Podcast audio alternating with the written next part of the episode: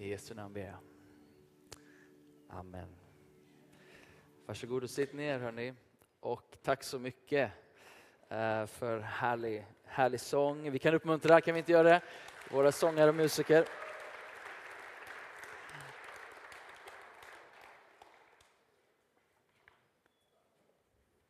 Och än en gång varmt välkomna till Citykyrkan den här tredje advent.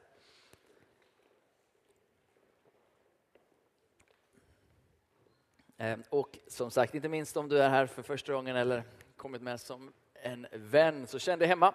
Paul Olenius heter jag och pastor här i församlingen ehm, och har förmånen då att några minuter få presentera julens budskap ehm, som eh, jag har valt att kalla julens stjärna och julens kärna. Jag hade ju ett mycket snitsigare typsnitt i min dator, men Eh, det är sånt man får leva med. Eh, helt enkelt. Eh, julens stjärna, julens eh, stjärna, man får hålla rätt i mun här nu då. Men vi ska börja med en bibeltext som vi hämtar ifrån Matteus kapitel 2 och vers 1. Där det står, när Jesus var född i Betlehem i Judeen på kung Herodes tid. Då kom vise män från östen till Jerusalem och frågade var är judarnas nyfödde kung? Vi har sett hans stjärna gå upp och har kommit för att tillbe honom. Vi har sett hans stjärna gå upp Eh, det är något som inte stämmer i, i, i himmelen eller på himlarymden. Det här är då vad vi kan anta män som har en hel del koll när de tittar upp på stjärnor ser de inte bara eh, de tre vise männen eh, utan lite mer. Jag vet inte var din stjärnvandring började men det började där att någonstans kunna identifiera de här tre som tydligen är bältet på Rion, eller hur? Ehm, men de här vise männen, eller magiker som det står på grekiska, eh, de var förmodligen lärda, de kanske var till och med så lite andliga. Men det var någonting som störde, eller något som kom på stjärnhimlen som gjorde att de hajade till. Det var inte så vanligt den dagen. Eh, och det gjorde att de väljer att lämna Österland, kanske Babylon, eh, vi vet inte riktigt, och packa sina kameler och se till att de har guld, myrra, rökelse. För nu är det en kung som har fötts som är av särskild art. Den, han, han, sticker ut den här kungen. Um, och det är ganska intressant att, att, från ett annat land, och en annan kontext, de vet inte riktigt vad de letar efter. Men de tittar på skapelsen. De tittar på den del av skapelsen som de bäst kan, nämligen stjärnhimlen i det här fallet. Jag vet inte vilken del av skapelsen som du bäst kan var din profession ligger, vad du har studerat, vad du är duktig på, vad du har liksom på dina fingertoppar. Men de här männen, de hade hela stjärnhimlen där. Och i skapelsen, i det de ser, så märker de något osynligt är på gång. Det är någonting som fångar deras uppmärksamhet. Det är en stjärna som pekar i en viss riktning. Och dit går de. Och jag vet inte heller hur det är med dig, men jag, jag, det fanns en tid i mitt liv i alla fall när, när jag inte hade det här klart för mig, det som jag idag förmånen att få predika för dig.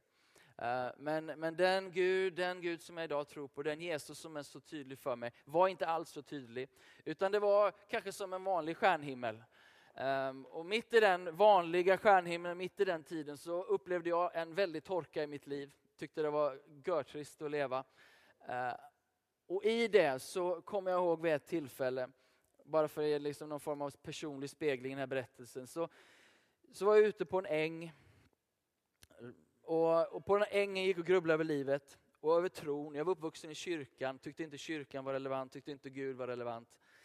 Kände, vad, vad är den här vandringen på väg för någonstans? Vad är, vad är livet? Vad handlar det om? Och mitt i alla mina sluddriga tankar och funderingar så uppstår en klarare tanke. Och den tanken sa att du är i en öken just nu, men det kommer en oas där framme. Och jag vet inte om det, var, om det var Gud eller vad det var, men det var en klar tanke som berättade för mig att det finns hopp bortanför den öken du är just nu. Och så började en nyfikenhet tänka, eh, väckas. Jag tänkte, vad är det? Vad kan det vara? Och så någonstans så blev jag på något sätt redo för att ta nästa steg. Jag vet inte vad de var, som sagt, vise män, jag vet inte vad du är. Men ibland kommer man in i tider där saker och ting väcker ens nyfikenhet. Jag tänker att du sitter här idag i kyrkan, möjligtvis på grund av det. Att det är någonting i det här julens budskap, julens budskap, julens stjärna och kärna som väcker ditt, din, ditt intresse, din nyfikenhet. Vad står det här för egentligen? Och finns det mer bakom det? Um, och de här männen kommer till, till eh, Jerusalem, de pratar runt där, de frågar vad, vad är det för kung som är på gång att födas? Och så blir de hänvisade till Betlehem som vi här har sjungit om idag. Stjärnan, du har Betlehem, du har en plats.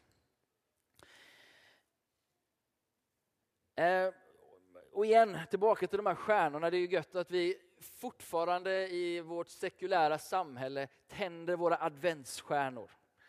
Det är ganska intressant att nästan i varje fönster, i varje butik du går in i, så har du en stjärna som lyser fortfarande efter 2000 år och talar om den kung som kom och faktum den kung som ska återkomma. Du får gå hem och titta på Sagan om ringen och så får du en liten känsla på det där. Men, kungens återgång, advent handlar om att han har kommit och att han ska också komma tillbaka. Han kanske är dold för dig nu, men han ska stiga fram väldigt, väldigt tydligt för oss. Eh, en annan sak vi gör är att vi köper 11 miljoner julstjärnor den här tiden. Det är bra jobbat. Det är bra jobbat. På några veckor så köper vi 11 miljoner julstjärnor. Förutom alla adventsstjärnor. Det är många stjärnor som pekar på en stjärna, som lyfter fram en stjärna. Okej, okay. och nu, nu är vi inne på stjärntemat. Förra året kom jag ihåg jag talade vid något sånt här tillfälle och pratade om Star Wars, men det ska vi inte göra i, i, idag. Eh, men eh, det, det, är helt okej. Okay. Det är Sagan om ringen och det är Star Wars och det är annat. Men de här stjärnorna, mina vänner. Eh, jag läste på lite om stjärnor här igen.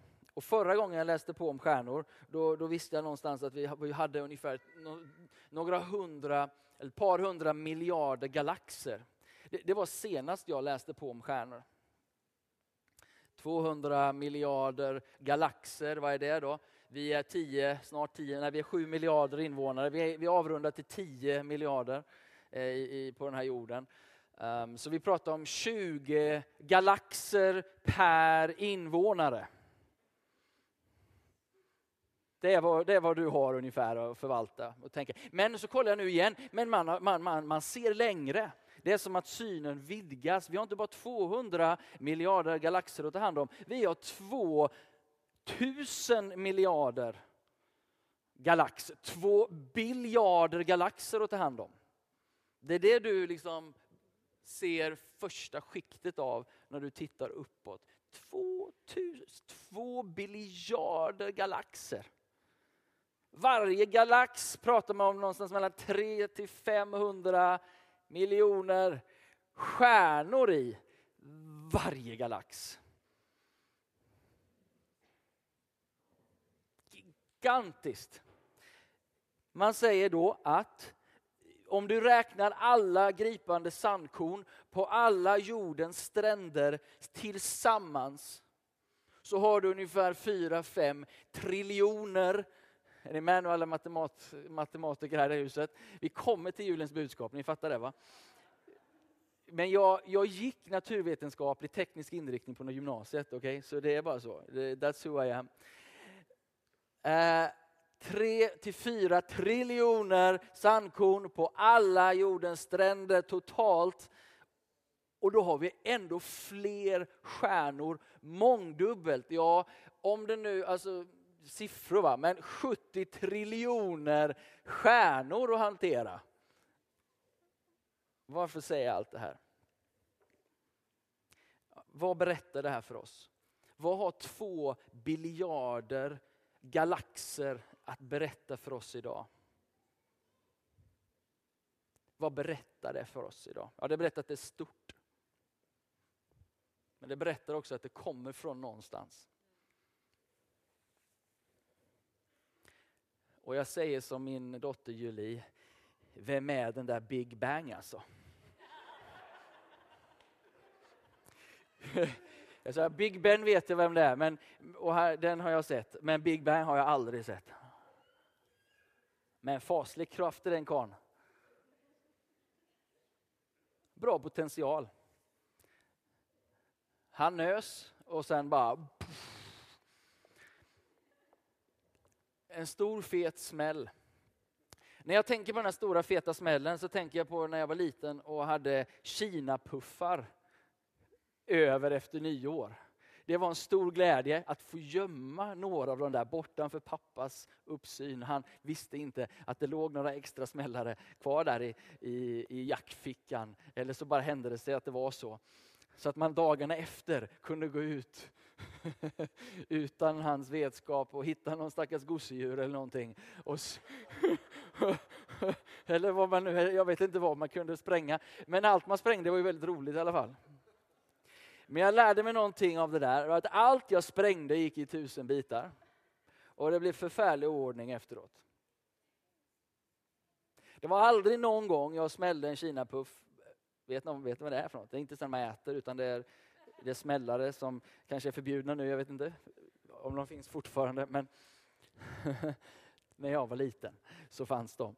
Och det var alltid kaos efteråt.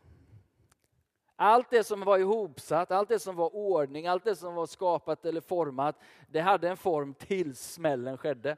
Kaboom! Sen var det ingen ordning mer. Och mig vetligen, jag är ingen vetenskapsman, men de lagarna gäller fortfarande i den bemärkelsen att vi strävar, allting går inte mot mer och mer ordning, allting går mot mer och mer kaos. Vi är under ett förfall. Smällar upp orsakar inte ordning, smällar orsakar kaos. Eh, och så får du dra din logik i vilken riktning du vill. Så här ser det ut, den här lilla bilden här, det här är liksom när vetenskapen idag med tillgängliga medel försöker förstå hur allting uppkom och allting när de tittar tillbaka så är det ju fantastiskt att de ser en stjärna. Tänker jag i alla fall som troende. Att de ser en stjärna. Var kommer allt det här ifrån? Ja, för mig går det inte runt in i huvudet hur allt kan komma ur inget och hur slumpen kallad Big Bang kan vara så fantastiskt smart. När ingenting annat efter det sker på samma sätt, det vill säga du spränger upp saker i bitar, du går och lägger en bomb på en soptipp och så uppstår en bil. Liksom. Det, det är liksom bortom allt förnuft i min värld. Jag förstår vart man är ute efter. Men hur som helst, så här står det i, i Bibeln.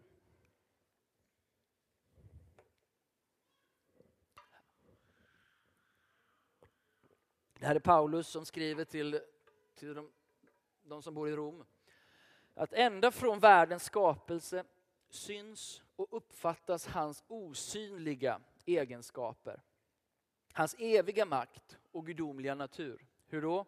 Jo, genom de verk han har skapat.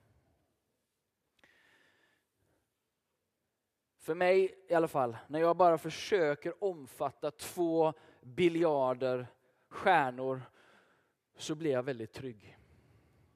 Jag blir väldigt lugn av det. Jag älskar att se på stjärnor, jag älskar att studera stjärnor, jag älskar att se på science fiction-filmer som handlar om att man åker långt bort i rymden. För någonstans där blir jag trygg. Min fru hon går åt andra riktningen och bara vill, fattar inte hur jag kan se alla de här konstiga filmerna. Var ligger tryggheten i det? För mig ser jag storleken på min Gud. För mig så är det bara, det bara talar rakt in om han hade tanke och kraft att sätta igång allt det här i sin storlek och det är ändå bara ett återsken av vem han är, om vi ska ta det här bibliska påståendet för sant. Det betyder att han håller det här universumet, om Bibeln är sann, i sin hand. Och där har du de 20 miljarder galaxerna, var vilket du är en del av Vintergatan och delas just det här solsystemet, Tellus, Europa, Sverige, Stockholm, det här kvarteret, Citykyrkan. Allt det här, om Bibeln är sann och den bibliska berättelsen är, är riktig, så ger det mig trygghet när jag ser storleken på hans skapelse. Någon annan kanske tittar på en solnedgång och tänker, det här, det här är vackert. Och Bibeln säger att det här återger en fraktion, en, ett, ett, en del, en, en, en spegling av vem Gud är. Någon kanske dyker ner i korallrevet som jag också fått göra och man är där och man tänker här nere på havets botten. Liksom så är det ett myller av liv och det är så vackert. Och nu när vi börjar utforska haven och vi ser alla de djur som vi inte ens har sett under hela vår livshistoria som mänsklighet. Nu i den här tiden har vi tekniken att kunna utforska det. Någon annan tittar in i ett barns ögon. Och hur många har inte blivit troende efter att de har fått sina egna barn och sett dessa små underverk allt det här predikar Guds existens, hur vacker han är, hur stor han är, hur levande och påtaglig han är. Jag är ledsen Big Ben, Big ben höll säga, med Big Bang. Jag, jag ger dig inte mycket ära för det här. Eh, det finns ett annat svar. Men tillbaka till den här stora stjärnbilden och för mig är det här, liksom, du, du ser några små människor där nere i beundran för, för, för, för hans storlek. Om du vill se hans härlighet, se stjärnhimlen. Om du vill se hans storlek och bara drunkna i hans godhet, se och igenkänn två biljarder galaxer som var och en vill tala om för dig hur stor han är. Hur god han är. Julens stjärna är Jesus. Vad är då julens kärna och dess budskap? Det står så här. I begynnelsen var ordet och ordet är här tillika med Jesus. Eller du skulle kunna kalla det för en högre makt. För egentligen skriver Johannes till de greker som var på den tiden som inte riktigt hade koll på Jesus. Så här, ordet var liksom synonymt med det vi skulle kalla för högre makt idag. För de flesta av oss här inne eller i Sverige tror på någon form av högre makt. I begynnelsen var den högre makten och den högre makten var hos Gud och den högre makten var Gud. Han var i begynnelsen hos Gud och allt blev till genom honom. Och utan honom blev ingenting till av det som är till. I honom var liv och livet var människornas ljus. Och mina vänner idag som är i Citykyrkan och kanske lyssnar på podcast. Mörkret har inte övervunnit ljuset. Mörkret kan inte övervinna ljuset. Mörkret är endast frånvaro av ljus. Och så fort ljuset stiger in så måste mörkret gå tillbaka. Ljuset, han som var i begynnelsen. Han var hos Gud. Han var Gud och ingenting som är till blev till utan att han skapade det. Det var ordet och det var ordet som blev människa. Den högre makten blir människa. För dig som är troende eller har en övertygelse så skulle jag bara vilja slänga in det här påståendet. Låt aldrig vetenskapen göra dig osäker på det sättet. Vetenskapen ger bara en skildring så, med de exakt, så exakt som vi kan det, så exakt med de mätbara instrument vi har, eller eh, instrument och mätbarhet vi har, försöker beskriva Guds skapelse. Det, är inte ens, det svarar inte på vart allt kom från, men det svarar på hur det ser ut. Så som vi förstår det just nu. Här har du Guds härlighet. Vad är då julens kärna? Julens kärna är kärlek. Att när Gud ser på det här vackra, vare sig det är korallrevet eller stjärnorna, men inte minst det lilla barnet eller varje människa. Julens kärnbudskap är kärlek. Är att du så älskade Gud den här vackra världen och dessa vackra människor. Att han kunde inte se en evighet där de drog sig längre och längre bort från honom. Utan han väljer att dra sig nära, så nära som han någonsin kan. Nämligen att han blir så som en av oss. Han blir en människa, föds som ett litet barn, föds i ett stall, identifierar sig med de ödmjuka och de fattiga som kan ta emot honom. Han älskade världen, därför ger han sin son för att var och en som tror på honom inte ska gå mot förstörelse, gå mot förfall, utan få ha evigt liv istället. Julen är mer än de här 9000 ton julskinka som vi ska klämma i oss här nu på en vecka. Mer än de där fem miljoner liter glögg som vi ska trycka i oss. Gud gav det bästa han hade och jag tycker det är fantastiskt att en gång på året så bara exploderade av gåvor i det här landet. Exploderade av generositet, exploderade av, av egentligen, man skulle kunna kalla det överkonsumtion, men det, det bär någonting i sig. Det vackra i att 40 miljoner paket ska delas ut de närmsta dagarna fem, fyra, fem per invånare. Allt detta sker nu i en, liksom en kärleksexplosion.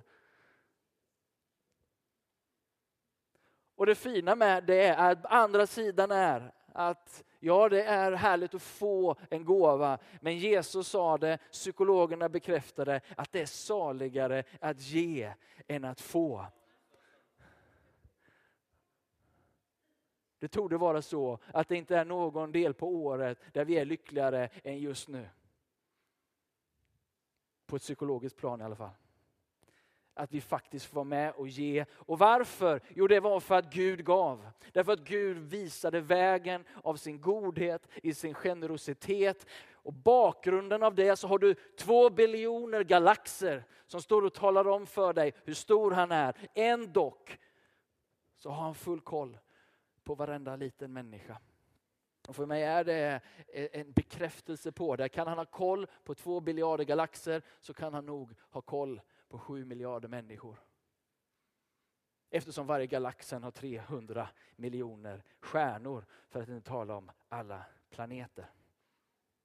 Julens kärna är kärlek. Och så här lät det i en översättning. Jag läste det förra söndagen ifrån julevangeliet. Gabriel kom och gav Maria sin hälsning. God morgon, god förmiddag, god jul. Och så säger ängeln så här, det här är en parafras, det betyder att det är en liten tolkning. Men den, den bär grundmeningen. Guds skönhet gör dig skön Maria. Och jag önskar jag kunde namnet på er alla här idag. Men jag tror att Gud genom sin ängel skulle vilja säga till dig, Guds skönhet gör dig så skön. Du är skön innan och utan människa. Du är så skön för mig, säger Gud, att jag är beredd att bli som dig för att kunna rädda dig till gemenskap med mig igen. Gud vare med dig.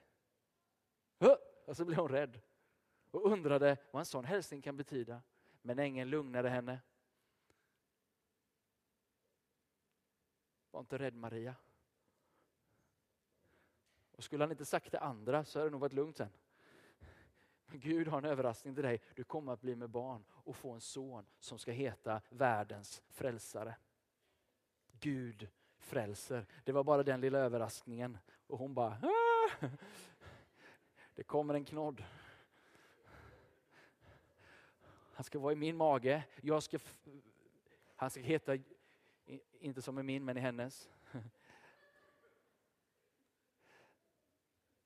Jag ska bli mamma till Jeshua till Messias, till han som ska bli världens frälsare. Om hon inte var rädd innan så blev hon det förhoppningsvis just där och då. Men hon tog det till sitt hjärta och begrundade det. Julens kärna är att Gud älskar dig.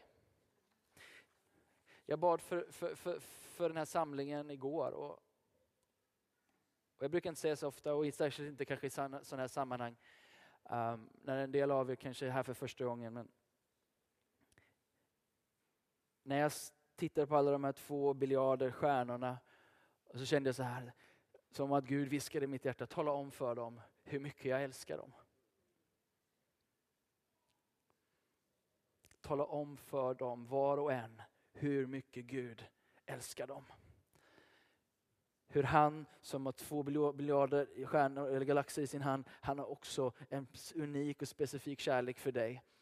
Och en unik och specifik väg för dig tillbaka till gemenskap med honom genom, genom Jesus. För så mycket älskade han dig. Att han var beredd att utge sig själv. Och genom tro på honom, genom att den här julen få ta emot det han gav, sitt liv. Ta emot den kärlek som finns i sonen. Han kom inte för att döma världen, han kom för att rädda världen. Han kom för att ge oss hopp mitt i en trasig värld, mitt i trasiga relationer, mitt i en trasig förfallen värld som går till sin undergång om vi ska tro Bibeln rätt. Men mitt i det så finns det hopp, mitt i det så finns det en väg tillbaka till Gud som inte bara ger ett hopp i den här tiden utan även i evigheten. Att det är ett evigt liv som han bjuder in dig till, en evig trygghet. Vetskapen om att jag ska en dag dö, men det behöver inte heller skrämma mig. För han som har två biljarder galaxer i sin hand, han har blivit människa och han har levt som du och jag och han dog på ett kors. Han uppstod igen på tredje dagen och mina vänner, han besegrade döden. Han besegrade döden. Bortom döden finns det hopp, bortom döden finns det liv. Han som satte igång allting, han som var stjärnan från början, han som lyste så klar. Han talade och sade, var det ljus? Boom! Och hela, hela universum börjar utforma sig. Det som vetenskapen tittar tillbaka och försöker förstå, det håller han i sin hand. Och den guden, han bjuder in dig idag till en relation med sig själv. Att få fortsätta att förundras över vem han är. Får vi börja på här i jordelivet och sen för evigt fortsätta och umgås med honom. Lovsångarna vill ni komma fram.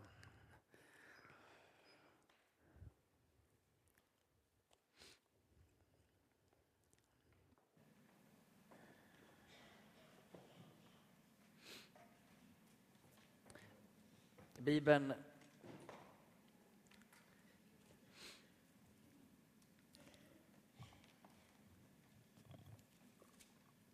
gör det väldigt tydligt för oss hur vi tar emot Jesus och det han har gjort för oss. Det står så här i, igen i Romarbrevet som jag läste ifrån tidigare.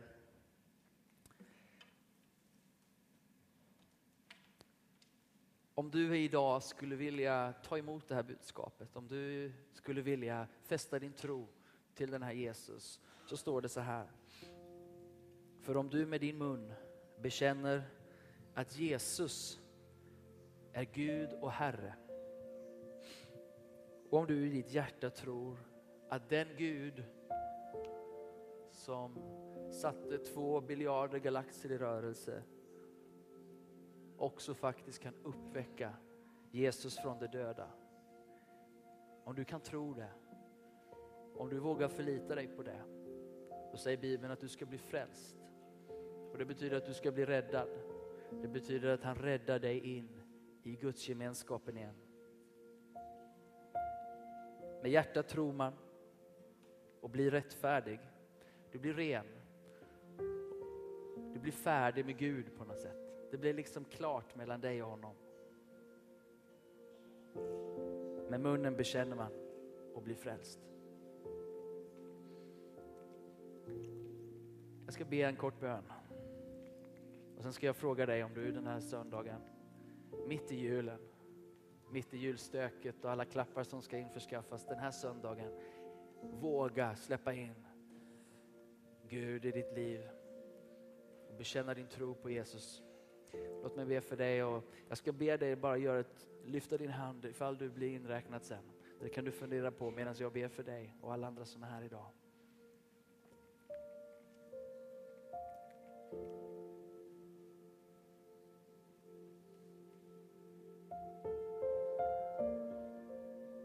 Mm. Tack Gud att du är här. Att du inte är långt borta trots att du är så stor. Och att hela universum spänner mellan din tumme och din pekfinger. Så är du nära, så är du här.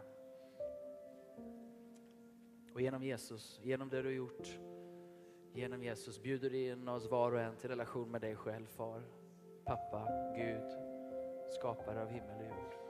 Jag ber för den idag som är på sin vandring, kanske befinner sig i någon form av Babylon eller en öken eller Eh, känner ett utanförskap eller isolering. Jag ber för var och en av oss på vår vandring. Jag ber att stjärnan skulle väcka intresset, nyfikenheten, längtan den här söndagen. Jag ber att stjärnan skulle lysa i mörkret och guida och leda var och en av oss fram till den sanna stjärnan, alla stjärnornas stjärnor, stjärnornas stjärna. Jag ber här idag att du tar våra hjärtan och våra tankar och leder dem till dig själv. Helige Ande, tack att du är här. Pekar på Jesus.